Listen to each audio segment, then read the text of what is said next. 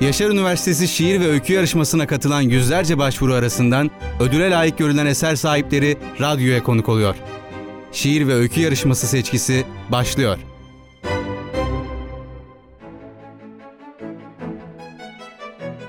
Değerli dinleyicilerimiz, Yaşar Üniversitesi tarafından bu yıl ikincisi düzenlenen şiir ve öykü yarışmasının ödüle layık görülen eser sahiplerini konuk aldığımız, kendilerini daha yakından tanıdığımız ve eserlerini kendi seslerinden dinlediğimiz programımıza hoş geldiniz. Bu bölümdeki konuğum Mahalle Keşfi adlı şiiriyle şiir kategorisinde ikinci olan Yaşar Üniversitesi Görsel İletişim Tasarımı bölümünden araştırma görevlisi Orkun Desteci. Orkun Bey hoş geldiniz. Merhaba, hoş bulduk. Nasılsınız, iyi misiniz? Teşekkür ederim siz. Ben deyim çok teşekkür ederim. Teşekkürler. Öncelikle kazandığınız derece için sizi çok tebrik ediyorum. Çok teşekkür ederim, sağ olun. Sizi daha yakından tanımak istiyoruz. Kısaca kendinizden bahsederseniz çok seviniriz. Tabii bahsedeyim. Ben Görsel İletişim Tasarım bölümünde araştırma görevlisiyim. 2018'in sonlarından beri buradayım araştırma görevlisi olarak. Aslında lisansım da benim buradan. Daha sonra 9 Eylül Üniversitesi Güzel Sanatlar Enstitüsü'nde yüksek lisans yaptım. Sanat tasarım ana sanat dalında. Şu anda da doktora yapıyorum. Akademik hayat bu şekilde. Hı hı.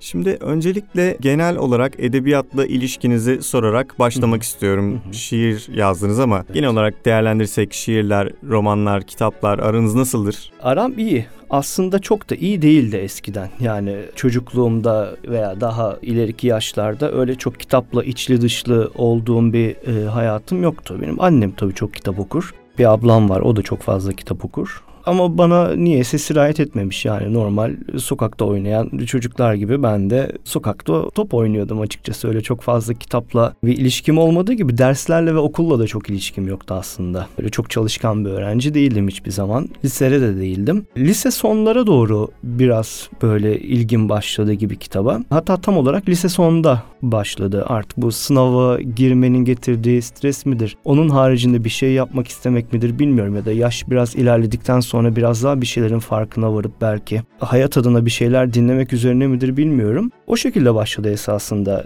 kitapla, romanla, edebiyatla daha doğrusu ilişkim. Ama her zaman en sevdiğim tür şiir oldu herhalde. Sınav dönemlerinde zaten sınav dışında her şeyin ilgimizi çektiği Değil mi? zamanlar oluyor o dönemde. Ona denk gelmiş olabilir muhtemelen. Vesile olmuş ama güzel bir şey E, vesile öyle olmuş. oldu evet öyle oldu. Peki şiiri daha çok sevdiğinizi söylediniz. Evet. Şiir deyince size ne ifade ediyor? Şiir deyince esasında şiirin türü ne olursa olsun eğer beni etkiliyorsa çoğunlukla büyük bir coşku hissediyorum aslında ve merak ettiğim, üstüne kafa yorduğum veya hiç aklıma gelmeyen birçok şeyin cevabını bulabiliyorum şiirde. Çok etkiliyor beni. Her zaman çok etkiledi. Hala da ilişkim böyle. Çok etkileniyorum şiir okurken. Yani Hı hı. Bu kelimelerin yan yana bu şekilde dizilmiş olması bende çok enteresan etkiler bırakıyor. Coşku doğru bir tabir herhalde. Hı. Yani yılgın bir konu üstünde dursa bile o yılgınlığı dahi çok coşkuyla karşılayabiliyorum şiirle karşılaşınca. Geçen hafta programda Berna Hanım'la da Hı hı. konuştuk. Şiirin daha yoğunlaştırılmış bir edebiyat türü olduğundan Hı hı. bahsettik mesela. Aslında biraz da bunu karşılıyor evet söylediğiniz. evet, evet Hı hı. aynı patikalar Hı gibi. hı. Peki şiir dışında başka türlerde de yazdınız mı? Denedim ama ya olmadı ya da şiir kadar sevemedim. Hı hı. Her şey hep şiire çıktı bende açıkçası. Ne kadar süredir yazıyorsunuz? Ne kadar süredir yazıyorum? 10 senedir kadar üstündeyim herhalde. Bir 10 sene kadar olmuştur. Böyle lisenin son zamanlarında belki okumaya başlayınca biraz bende şey vardır. Maymun iştahlılık diyeyim. Görür görmez denemeye çalışırım ben de. Birçoğunu yapamam aslında gördüğüm birçok şeyin. Hani Hı hı. bir enstrüman görürüm, çalmaya çalışırım ama çalamam. Veya başka bir şey. Şiir herhalde en çok bunların içinde ilgimi çeken şey oldu ve hep aynı istikrarla sürmese de bir 10 senedir üstündeyim. Kimi zaman çok yoğun bir şekilde eğildiğim zamanlar oldu. Başka hiçbir şey düşünmediğim, sürekli bunun üstünde durduğum zamanlar oldu. Kimi zaman hiç yüzüne bile bakmadığım zamanlar oldu. Hani aklıma bile gelmediği zamanlar oldu şiirin. Ama bazı zamanları aktif, bazı zamanları pasif dediğim gibi ortalama bir 10 senedir üstündeyim şiirin. Peki yazdıklarınızı paylaştığınız bir yerler var mı? Bir blog vesaire olabilir. Ee, blog yok.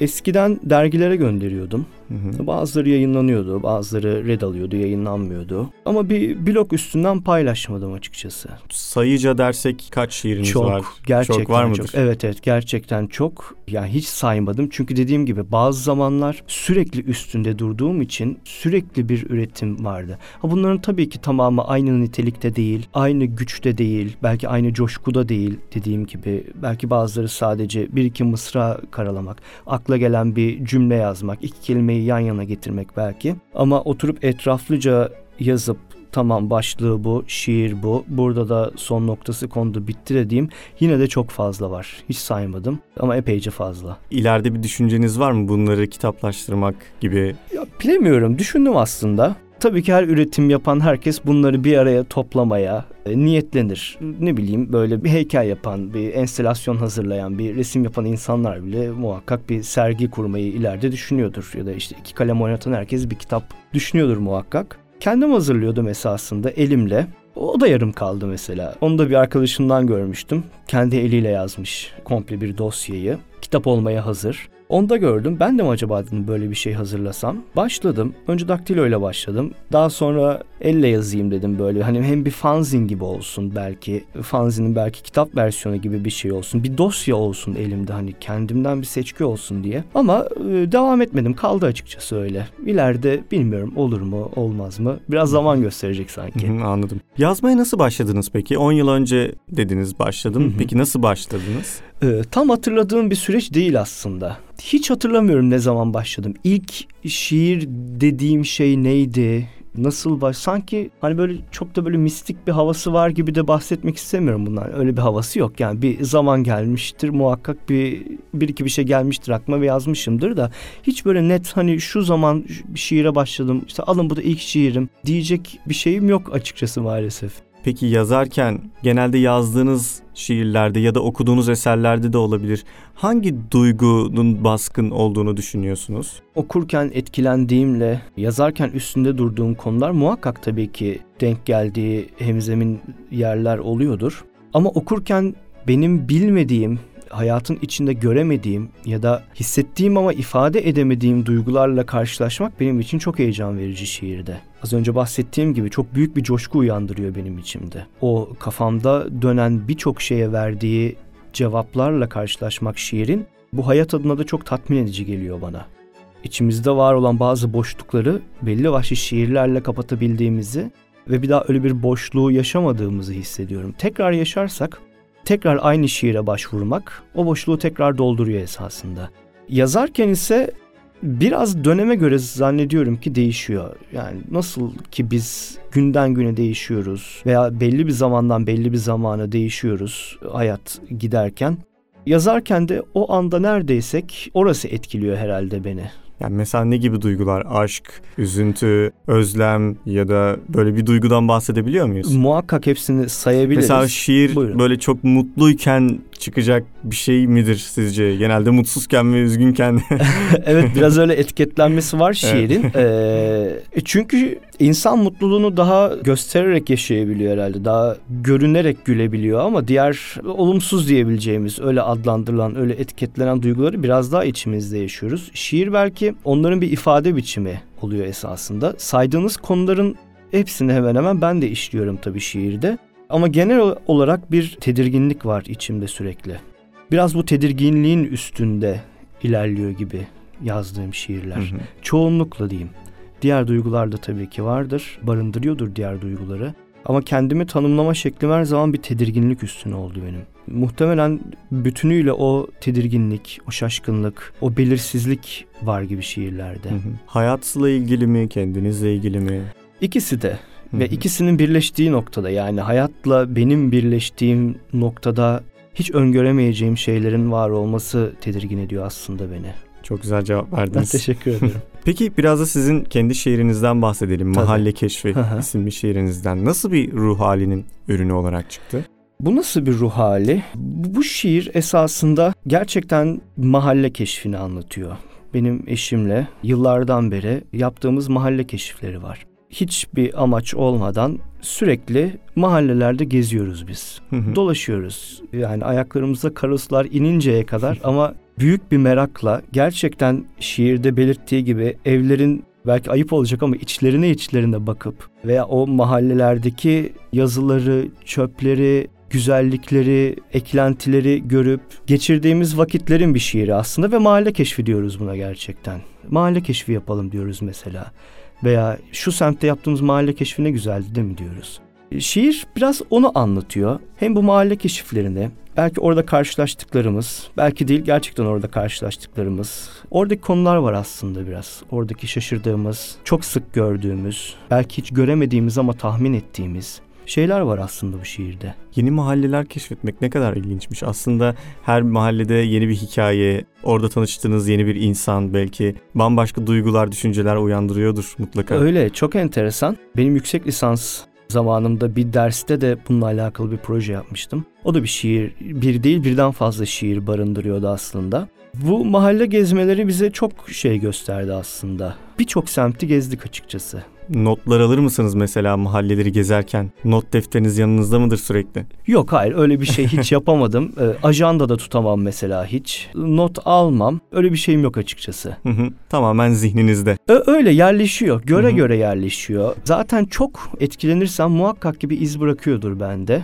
O da mutlaka bir yerde bir şekilde yansıyordur. Hı hı. Bunu şunun için sordum. Buyurun. Mesela yazarken ya da okurken belli bir yer veya zaman seçer misiniz diye merak ettim aslında. Yok. Mesela gezerken aldığınız küçük notlar zamanla hı. şiire dönüşüyor Evet, olabilir. Ya da Anladım. mesela işte orada biriktirdiğiniz anılar sonradan Hı hı. şiire dönüşüyor olabilir. Ya böyle bir süreç olabilir Hı diye. Bu da bir yöntem tabii. Yani aklınıza gelen şeyleri yazıp daha sonra bunu uzunca metne dönüştürmek de bir yöntem ama benim öyle olmadı açıkçası hiç. Ben Peki. hep baktım etrafa.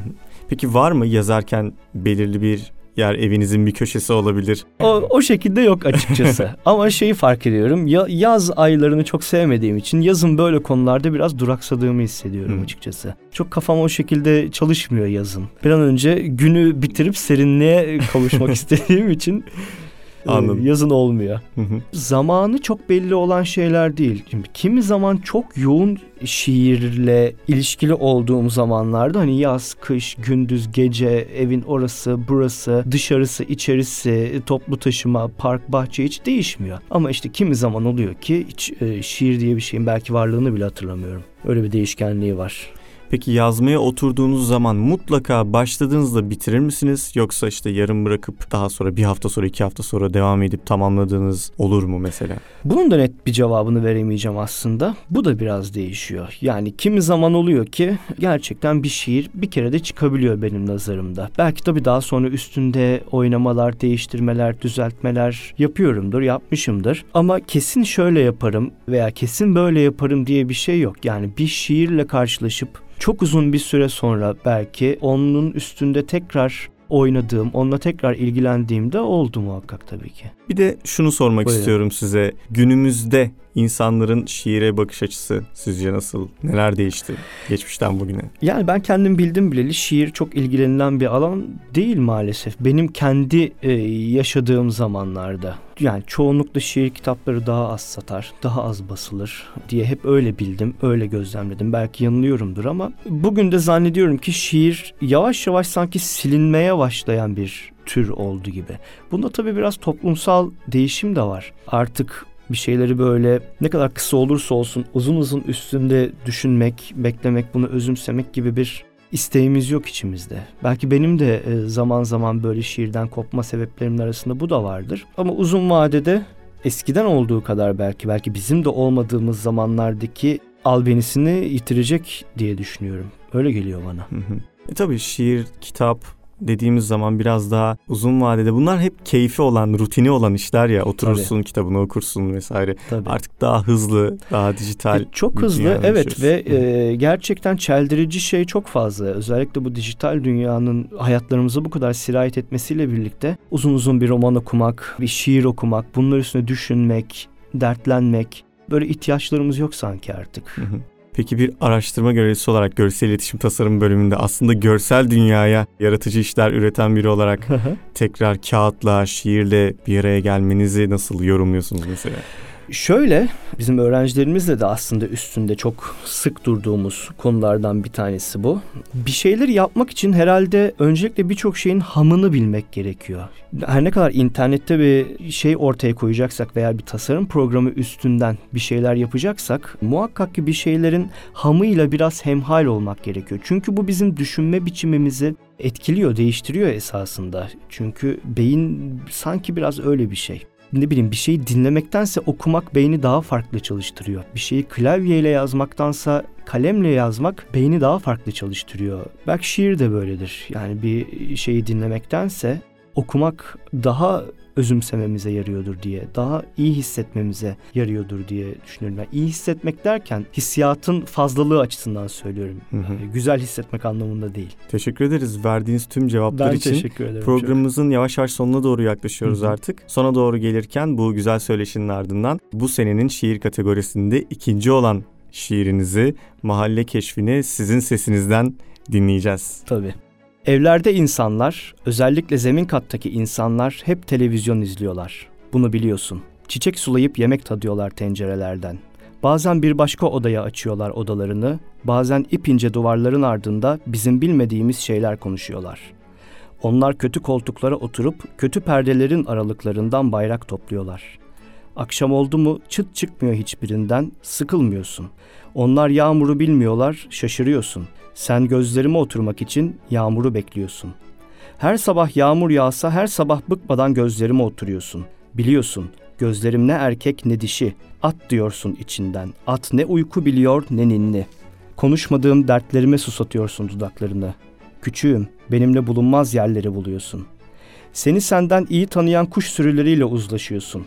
Kuş sürülerine söylüyorsun şarkılarını. Senin girdiğin ormanlar neşeli, kumsallar düz ayak. Ay hiç sönmeden aydınlık ve uyku dendiğinde ses seda yok. Senin ellerinle bir rüzgar toprağı okşuyor. Bak burası senin. Seni bu çiçeklere getirdim. Koparmayayım ama yine de gör istedim. Çok teşekkür ederiz. Ben çok Ağzınıza teşekkür ederim sağlık. bu imkan için çok sağ olun. O keşfettiğiniz mahallelerde bizi de kısa bir gezintiye çıkarmış oldunuz. Her zaman ne zaman isterseniz birçok yeri karış karış ezberledik ve hep şunu soruyoruz. Buraya girdik mi? Evet evet ya buraya daha önce girmiştik. çok teşekkür ederiz tekrardan. Ben çok teşekkür ederim. Değerli dinleyicilerimiz şiir ve öykü yarışmasında ikinciliğe layık görülen eserin sahibi Yaşar Üniversitesi Görsel İletişim Tasarım Bölümü araştırma görevlisi Orkun Destici ile birlikteydik bu bölümde. Bu bölümün sonuna geldik. Sonraki bölümlerde diğer kazananlarımızla buluşmak dileğiyle diyoruz. Sağlıklı ve mutlu günler dileriz. Hoşçakalın. Hoşçakalın. Çok sevgiler. Şiir ve öykü yarışması seçkisi sona erdi.